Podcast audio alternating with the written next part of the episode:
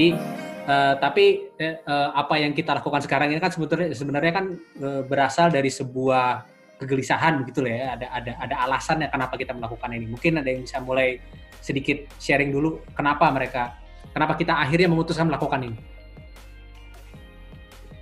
Sudah diem. Oke, okay, aku boleh duluan? Iya, boleh. Aku boleh, Pak. Ya. Ya, sebagai ya, uh, seorang, seorang akademisi yang sudah jurnalnya masuk di Carlos dulu lah. Gua, gua mengintroduce justru mengintroduce oh, Pak gitu. Carlos. Gitu. Oke, oke, oke, oke. Siap, siap. Bukan hanya mendapatkan beasiswa dan berkuliah di komunikasi S2, tapi juga jurnal-jurnalnya sudah masuk dalam jurnal standar komunikasi Indonesia. Oh, Bukan gitu. untuk bicarakan lebih jauh dalam bahasa Inggris. Anjay, bahasa Inggris. Oke. Okay. Speak English, speak English. No, enggak ya. Indonesia aja. Kalau bahasa Inggris nanti putraku aja. eh belum cerita tuh ke Oslo kemarin juga oleh-oleh terakhirnya Pak Carlos. Karena dia banyak terpapar itu, terpapar YouTube. Oke, okay, baik. Um, dari aku, uh, karena aku masih apa masih berkecimpung di dunia jurnalistik televisi sampai sekarang dan kegelisahan yang timbul adalah karena teman-teman reporter uh, televisi sekarang itu aku sedih melihatnya karena eh, jadi modalnya eh, ini apa smartphone. Jadi mereka hanya memindahkan gambar atau visual atau video yang diambil oleh kamera person, kemudian mencocokkannya dengan mohon maaf ini eh, bahasa Indonesia-nya copy paste apa? Eh, itu kemarin baru. Ya, mereka hanya mengcopy, hmm. mengkopas, mengcopy paste apa naskah yang ada di eh, berita-berita uh, online kemudian dicocokkan dengan hmm. uh, video yang diambil oleh kamera person. Dan itu terus terang itu membuat aku sedih. Karena tidak ada proses uh, tidak ada proses sesuai dengan kaidah jurnalistik televisi apa teknik-teknik mencari uh, meliput berita televisi pengambilan gambar dan sebagainya dan sebagainya yang dahulu mungkin kita secara pakem kita laksanakan. Sehingga kita benar-benar mengerti ketika membuat naskah, membuat narasi, kita memulai dengan gambar apa, apa gambar yang paling utama yang kita dapat, kemudian kita mencocokkan dengan uh, soundbite yang kita dapat atau uh, natural sound yang kita dapat, kemudian membuat itu menjadi sebuah paket berita yang bercerita. Maksud saya paket berita televisi yang bercerita. Nah, itu yang saat ini saya lihat tidak ada di teman-teman uh, broadcaster televisi yang ada. Karena uh, ini juga mungkin uh, mungkin aku salah, tapi yang sering jadi pengalaman aku adalah mereka berlomba-lomba lagi-lagi karena sosial media. Mereka berlomba-lomba untuk bisa sesering mungkin tampil di uh, airtime di televisi yang uh, apa namanya yang di televisi ter terestrial yang nasional untuk kemudian tampil sehingga follower di Instagramnya sama di Twitternya itu bisa bertambah secara signifikan dalam tempo yang singkat-singkatnya. Tampil di TV, tapi with no Kayak proklamasi ya dalam tempo sesingkat-singkatnya. dan tidak ada teknik. Nah, itulah uh, kegelisahan aku dan aku sih maunya mengembalikan uh, broadcaster televisi kepada hitohnya. Bukan bukan artinya bukan uh, bukan kita ber, bukan aku atau teman-teman uh, mau bernostalgia dengan zaman kita yang dulu tapi hanya mengembalikan ini kepada tracknya.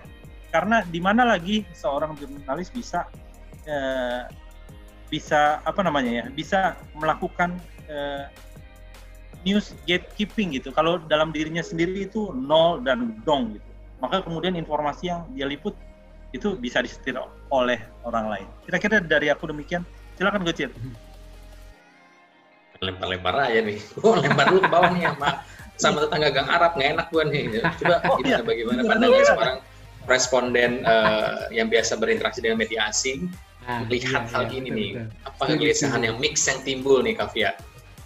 Seorang Fira Abdurrahman gitu yang sekarang Dari... interaksi dengan New York Times, dengan Sky News gitu kan. Yeah. Mungkin juga menangkap kegelisahan dari mereka sekalian di-share gitu ya. Apakah gelisah menggelinjang seperti apa? Kenapa menggelinjang? Astaga. Terus, terus, terus. Gimana Ibu Fira? Ya, uh, dari Batu Merah ke Gang Arab terus ke Tebet nanti ya. uh, emang kegelisahan ini dimulai uh, bisa dibilang satu dekade lalu lah ya. Ini uh, istilahnya twilight of journalism, twilight, hmm. twilight zone. Kalau kita nonton filmnya kan twilight zone antara nyata dan tidak nyata, antara alam barzah dan alam dunia gitu ya. Itu siapa, Cir? Anak lo pasti ya? Iya. Protes soalnya harusnya bikin Protes. bikin praktikum dari Riot Noise Review, tapi nggak jadi sekarang. ya kegelisahan ini uh, kalau gue rasakan sih bisa bilang satu dekade lalu lah ya bahwa ini sudah mulai masuk fase ter uh, twilight of journalism jadi twilight zone gitu kan antara nyata dan tidak nyata antara hmm. alam barzah dan alam dunia gitu ya dan ini memang disundul sundul ketat uh, oleh uh, adanya munculnya uh, sosial media secara masif. Jadi perubahan media itu sudah berubah. Media itu yang tadinya uh, ekstrim, tradisional, lalu mulai banyak pilihan sampai akhirnya muncullah digital uh, dalam dunia media, dalam dunia jurnalisme. Dan ini memang banyak perubahan yang harus di-apply, baik di lapangan maupun di newsroomnya itu sendiri, termasuk selera uh, selera selera pasar. Dan ini memang gue sih kayaknya harus mengakui bahwa jurnalisme itu terlambat ya. Kita terlalu asik, uh, terlalu terlena dengan apa yang sudah kita miliki uh, dekade sebelumnya. Jadi ketika dekade selanjutnya ini muncul, kita sendiri agak gagap. Bukan agak gagap, tapi memang gagap. Seperti itu sih memang uh, jurnalisme di masa yang lalu itu punya banyak cerita yang seharusnya bisa diambil secara positif oleh kawan-kawan yang berada di lapangan maupun berada di newsroom yang yang menguasai newsroom saat ini. Cuman ya makanya kita berkumpul semoga kita bisa berbagi, semoga bisa diambil ilmu-ilmunya, hikmah-hikmahnya, pengalaman-pengalamannya. Itu aja sih sebenarnya.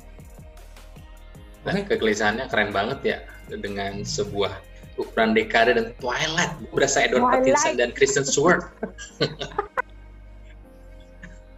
Nih akhir nih gilirannya akhir sekarang. Sopan gue ngeliatin senior-senior tadi, kalau langsung gue nih.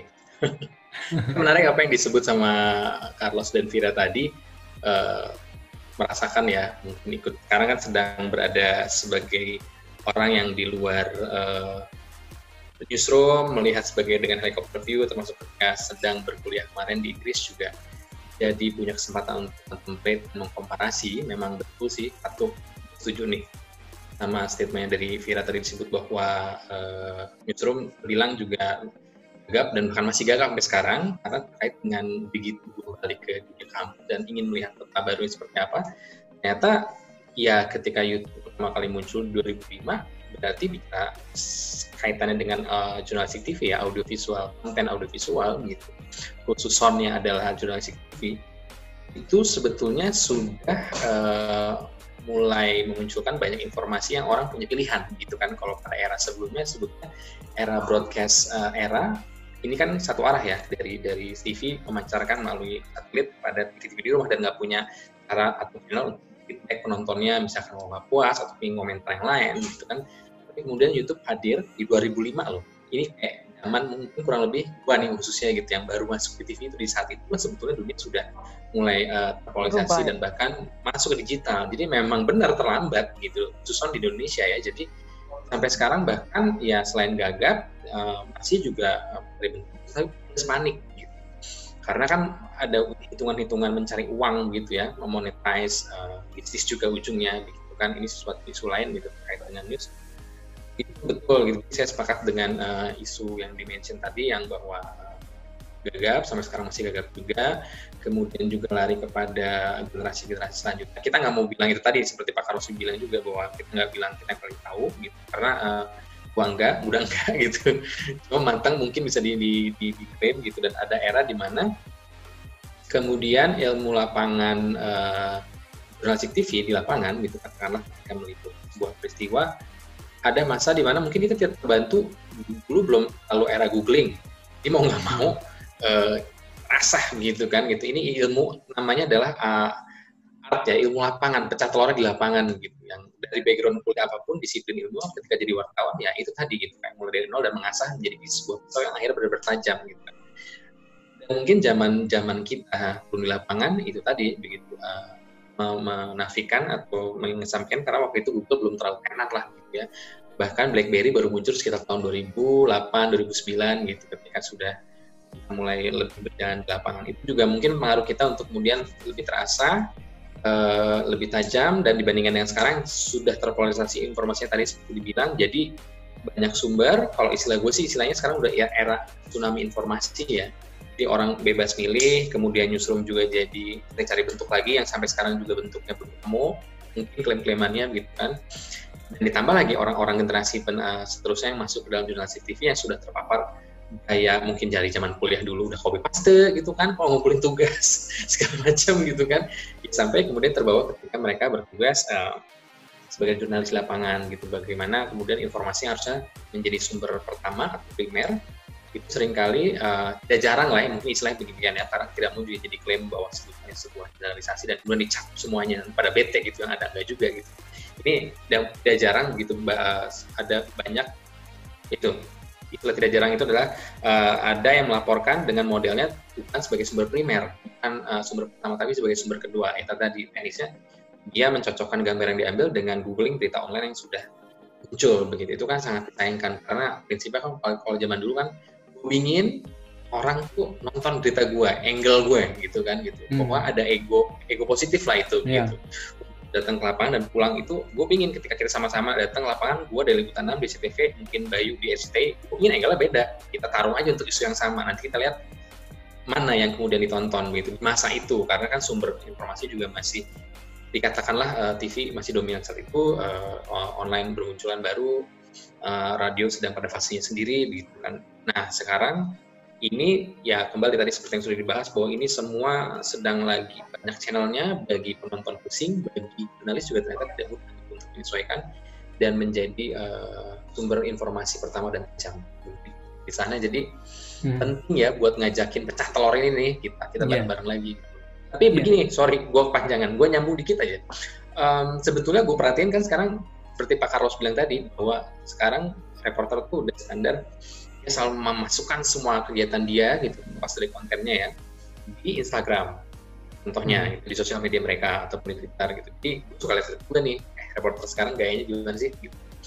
Uh, itu tadi kita nggak bisa klaim juga bahwa semua uh, copy paste uh, semua belum mencet telur gitu. Tapi ada aja pasti ada yang sudah kemudian dia menemukan style dan juga memberikan konten deliver seperti itu. Cuman selagi masih ada juga yang googling googling dan kemudian memberikan informasi yang apa namanya belum informasi primer yang pertama itu layak kemudian kita ingetin bareng-bareng loh eh seru tuh kurang tuh kalau cuma liputan kayak gitu gitu. Dan mungkin benar obrolan ngalor ngidul atas bawah kanan kiri 8 penjuru mata angin ini bakal membantu lah ya. Justru kita juga kalau punya kesempatan nanti ngobrol sama jurnalis-jurnalis muda ya biar sekalian juga kita tahu situasinya gimana. Mungkin kita dapat dari mereka dan saling berbagi ilmu jadi itu deh ya. baik